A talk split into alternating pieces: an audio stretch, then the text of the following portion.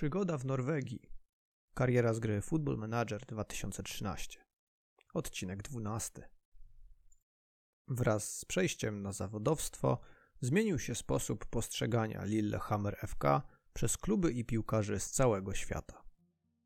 Nagle przestaliśmy być półamatorami z zabitej dechami wioski, a staliśmy się ekipą z norweskiej ekstraklasy. Spokojna sytuacja finansowa pozwoliła nam poszerzyć siatkę scoutingu, a tym samym wzrosły też nasze możliwości wyszukiwania talentów. Pierwszy etap planu budowy nowej siły w Norwegii można było uznać za zakończony. Aż chciałoby się powiedzieć, że przyszła pora na podbój starego kontynentu. Nim jednak ktokolwiek w Lillehammer będzie mógł myśleć o triumfach w Europie, trzeba najpierw ustabilizować swoją pozycję w ekstraklasie i zbudować zespół, który a. do pucharów w ogóle awansuje, b. będzie w nich w stanie cokolwiek ugrać.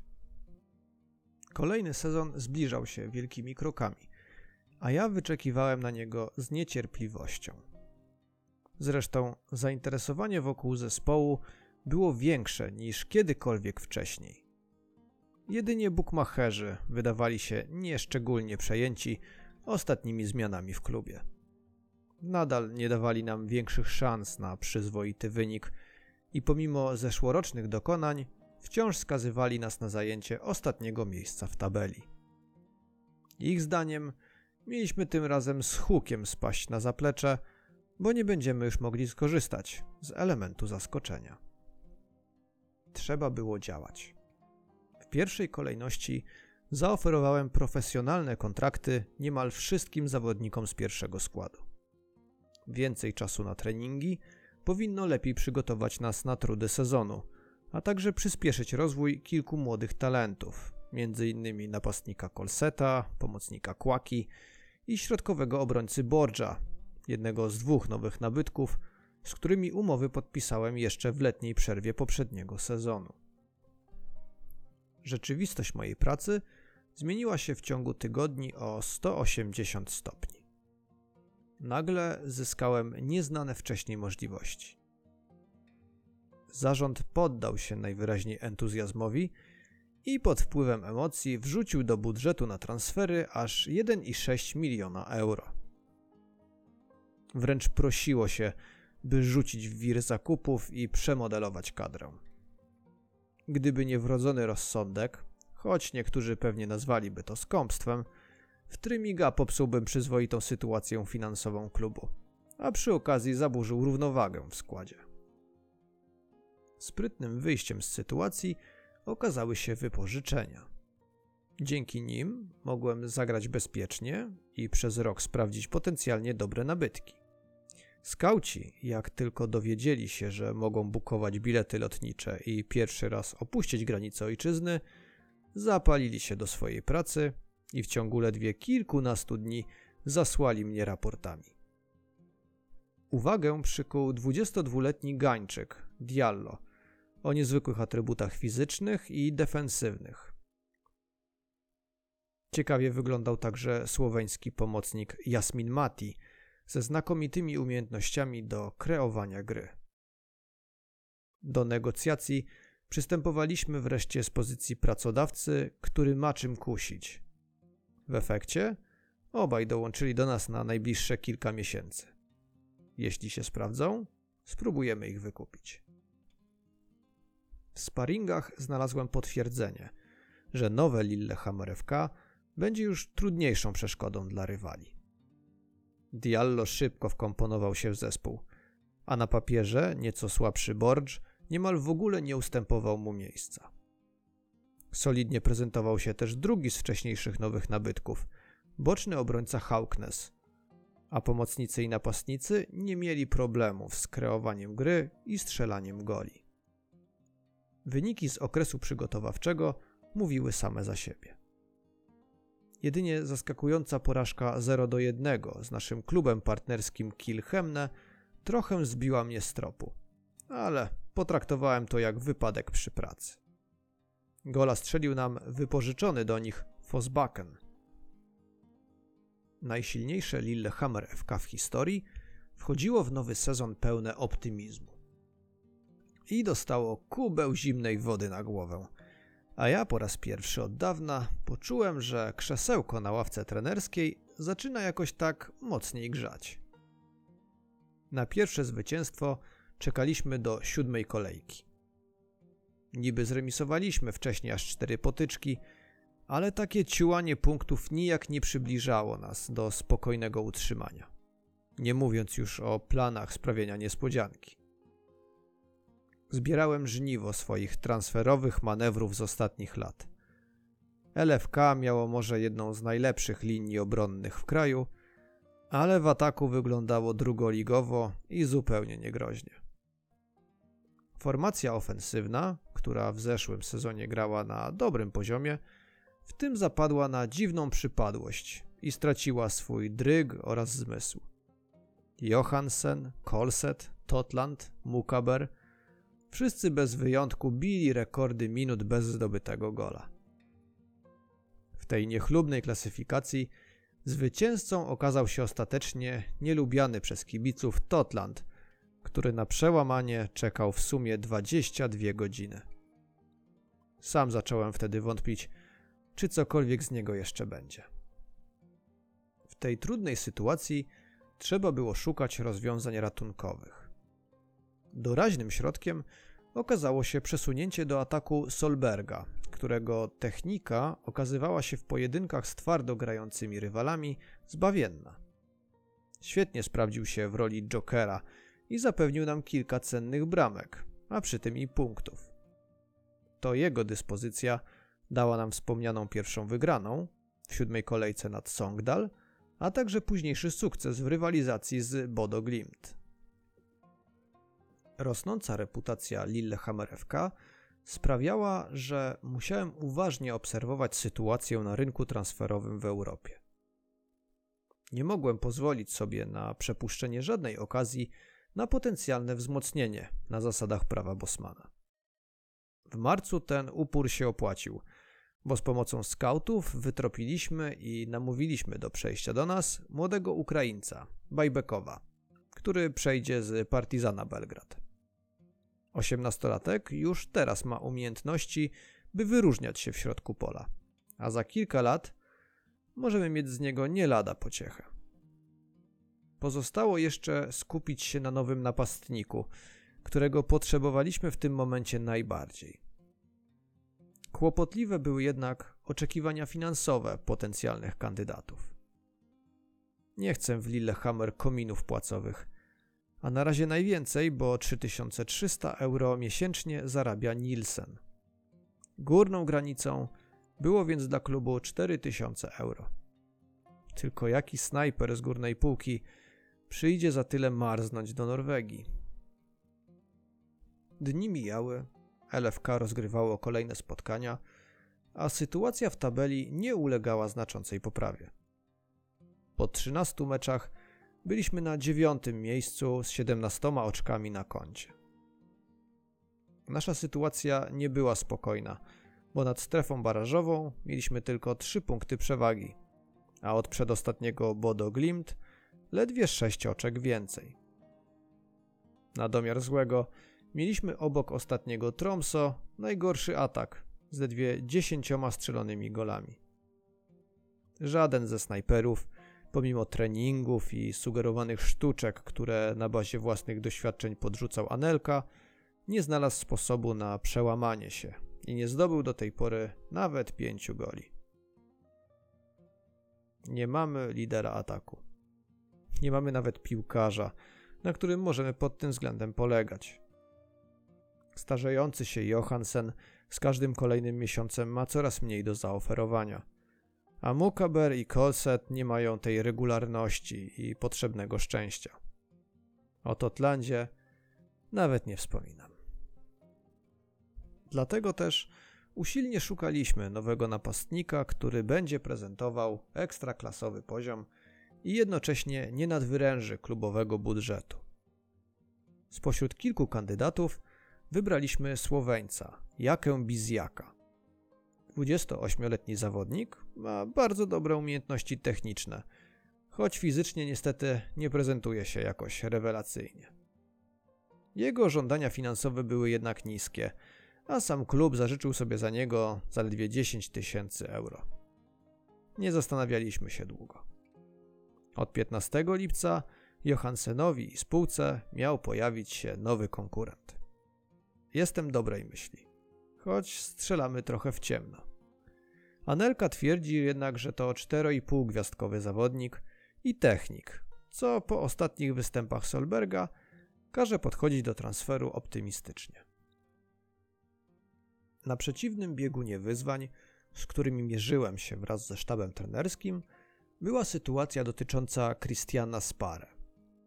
33-letni stoper zakończył poprzedni sezon z najwyższą średnią w całym zespole.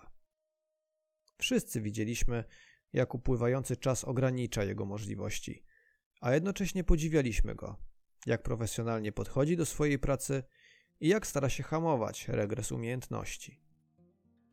Spare towarzyszy mi od początku kariery i od pierwszych miesięcy gry w barwach Lillehammer FK jest jednym z najsilniejszych punktów drużyny. A teraz nagle stał się przyspawanym do ławki rezerwowym, bo Diallo i Borcz stworzyli zaporę zachwycającą całą ligę. Za każdym razem, gdy rozpisywałem wyjściowy skład, czułem więc wyrzuty sumienia. Taki jest futbol, jasne. Dobrze o tym wiem. Piłce detale decydują o milionowych kontraktach reklamowych, o zwycięstwach i porażkach, o wspaniałej karierze i zmarnowanym życiu. Spare zrobił wszystko jak należy w swoim piłkarskim. Zabrakło mu może trochę szczęścia, żeby parę lat temu przykuć uwagę jakiegoś agenta i załatwić sobie angaż w ciekawszym miejscu pracy. A tak poświęcił się budowie wielkiego Lillehammer FK. I teraz, w najwyższej lidze, gdy przyszło spijać śmietankę, oglądał całość ledwie z ławki rezerwowych. Naprawdę nie czułem się z tym dobrze. Poczucie winy zmalało jednak nieco w kwietniu za sprawą innego gracza obecnego w LFK od lat. Bramkarz Carlsen był młodszy od kolegi grającego w defensywie i nie miał na razie konkurenta do pierwszego składu. Nie pomogło mu to jednak za specjalnie, bo w drugim sezonie mierzenia się z czołowymi napastnikami z Ligi Norweskiej zaczęły wychodzić jego braki. Poziom spadł, popełniał coraz więcej błędów, a rosnąca presja jeszcze pogłębiła kryzys. W najgorszym występie wypadł tak źle, że dziennikarze po spotkaniu wlepili mu notę 3 i 6. Szukając więc taniej i dobrej alternatywy, znów wykazał się scout eksplorujący futbolowy rynek z Afryki. Strzał z Diallo był idealny i sprawił, że znacznie wzrosło moje zaufanie do jego rekomendacji. Gdy więc podesłał pozytywny raport o 19-letnim Nigeryjczyku Maxwellu Ibrahimie, nie wahałem się długo. Na pewno decyzję ułatwił mi fakt, że goalkeeper był skłonny przyjechać na razie na kilka miesięcy w ramach wypożyczenia. Widocznie sam nie był też jeszcze stuprocentowo pewien, czy Norwegia to najlepszy możliwy kierunek.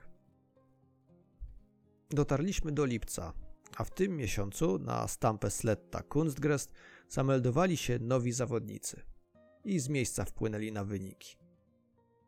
Wzrosła konkurencja o miejsce w składzie, więc naturalnie lepiej zaczęli grać też wcześniej tylko przeciętni, pomocnicy i napastnicy. Efekt Bizjaka i Bajbekowa pozwolił Lillehammer na szereg dobrych rezultatów. Od połowy miesiąca trzymaliśmy niezłą formę i punktowaliśmy na tyle, by trzymać się nad strefą spadkową.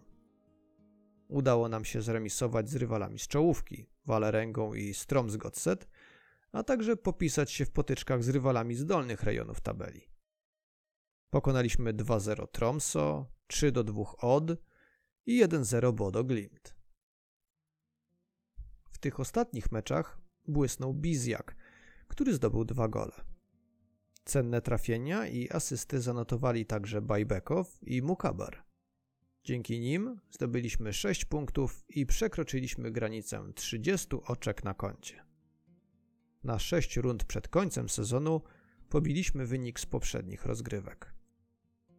Tyle było z prognoz bookmacherów i zapowiedzi mediów. Lillehammer FK nigdzie się nie wybierało. Do końca sezonu prezentowało równą, solidną dyspozycję, co ostatecznie przełożyło się na dziewiątą lokatę. Tuż za plecami Brandbergen, a przed takimi markami jak Stabaek czy Lillestrom. Nie byliśmy już niespodziewaną rewelacją, zaskakującym Beniaminkiem, klubikiem uprzykrzającym się gigantom. Budowaliśmy swoją pozycję, a jej najlepszym symbolem była posługująca się coraz większą liczbą języków kadra. Zachwyceni dyspozycją Diallo, szybko podpisaliśmy z nim kontrakt i zagwarantowaliśmy sobie jego usługi także po zakończeniu okresu wypożyczenia. Nie było się co zastanawiać. I nawet jego spore żądania finansowe na poziomie 5750 euro miesięcznie nie zmieniły naszej decyzji. Głupotą byłoby wypuszczenie z rąk piłkarza, który został wybrany w trójce najlepszych stoperów ligi w swoim debiutanckim sezonie na obczyźnie. Inna sprawa, że kapituła najwyraźniej trochę na siłę próbowała w ten sposób zwiększyć prestiż rozgrywek, bo zignorowano wcale nie gorzej prezentującego się Borgia. Tak oto Lillehammer FK, odmienione i opromienione własnymi postępami, kończyło kolejny rok. 31 grudnia wiele osób związanych z klubem mogło w atmosferze sukcesu odkorkowywać szampana, bo nic nie wskazywało na to, że teraz się zatrzymamy. Postęp zawsze niesie ze sobą jednak pewne ofiary. I nie inaczej było też w przypadku naszego, profesjonalizującego się i pnącego w rankingach klubu. Z końcem roku pożegnałem kilku graczy, z którymi wcześniej miałem okazję przez kilkanaście miesięcy współpracować. Odszedł rezygnujący z gry na profesjonalnym poziomie Sandstad, paru nierokujących juniorów, ale również mający przesadne wymagania i nieskuteczny Totland, a także dwaj weterani, którzy wprowadzili LFK na ten pagórek zwany pierwszą ligą. Ani skrzydłowy Skagewang, ani stoper Even Parkstad Johansen nie nadążali już za tempem gry w najwyższej lidze. I rozumiałem to ja oraz oni. To był ciężki moment i rozmowy, podczas których potrafił lekko załamać się głos. W ich miejsce przybyły nowe nabytki. Doświadczony norweski skrzydłowy Lekaj, który w ostatnich latach nieraz pokazywał, że nadaje się do rzucenia go na Rosenborg czy inną walerengę. Szwedzki bramkarz Biratch, nasz plan awaryjny na wypadek kontuzji i kryzysów obecnych golkiperów. Młodzi pomocnicy z Afryki, Kłaje i Zogbo, mający potencjał rzucić Norwegię na kolana w kolejnych latach czy też nie mniej zdolny prawy obrońca Lukans ze Słowenii, który przejmie schedę po 36-letnim już overwiku. Maszyna nie do zdarcia musi coraz częściej zjeżdżać do boksu i Anelka powtarza mi to od paru już miesięcy. Jaki jest plan na kolejny sezon? Nie dokonałem rewolucji w składzie. Wciąż trzymam się swojego postanowienia, by powoli budować klub na miarę europejskich pucharów. Niestety obawiam się, że przez to kolejny sezon spędzimy walcząc góra o miejsce w środku stawki. Chcę jednak dać jeszcze jedną, ostatnią szansę wielu obecnym w składzie napastnikom. Jestem im to winien. Teraz Kolset, Mukaber i Johansen, wspierani przez nowych pomocników i dużo lepszego od nich Bizjaka, powinni mieć więcej przestrzeni Więcej piłek na nosie, więcej okazji na złamanie linii spalonego po sprytnym podaniu z głębi pola. Jeśli z tego nie skorzystają, to może już nawet latem poszukamy nowych snajperów. Skuteczny napastnik to w tym momencie chyba nasz jedyny rażący brak. Oczywiście, o ile obrońcy utrzymają formę z poprzednich rozgrywek, a Nielsen, Bajbekow i Eid Bjorset nadal będą grali tak, by zbierać regularnie oceny wyższe niż 7. W sparingach Lillehammer FK popisało się czterema zwycięstwami i jednym remisem. Defensywa prezentowała się niczym solidny mur, a w ataku sprytem zachwycał Bizjak. Niespodziewanie też całkiem nieźle sprawdził się na pozycji ofensywnego pomocnika Rocky Lekaj. A mówił wcześniej, że nie czuje się na tej pozycji najlepiej. Oszust jeden. Trzeba będzie jeszcze tylko zweryfikować jego słowa z silniejszymi rywalami i w meczach o stawkę. Od tego będzie właśnie początek rozgrywek. Cel na 2020 rok? Pewne miejsce w środku stawki i dalsza przebudowa kadry. A kto wie, być może po raz trzeci z rzędu utrzemy bukmacherom i ekspertom nosa? Dziękuję za wysłuchanie 12 odcinka audiobooka Przygoda w Norwegii, który opowiada o karierze z gry Football Manager 2013. Dotarliśmy już z historią polskiego szkoleniowca w chłodnej Skandynawii do roku 2020, a w opowieści zaczyna dziać się więcej, bo klub znaczy już coś na futbolowej mapie kraju. Następny przystanek to Europa. Jak to się dalej potoczy, będziecie mogli posłuchać w następnych odcinkach. Jeśli podobał Ci się ten materiał, zostaw jakiś znak, bo to zawsze duża motywacja, by w natłoku różnych obowiązków znaleźć chwilę na pisanie scenariusza czy nagranie. Po więcej opowiadań z gier odsyłam na bloga gralingrad.pl, gdzie poczytasz o Assassin's Creed, Grid Autosport czy Battlefieldzie 3. Do usłyszenia wkrótce. Dzięki za uwagę.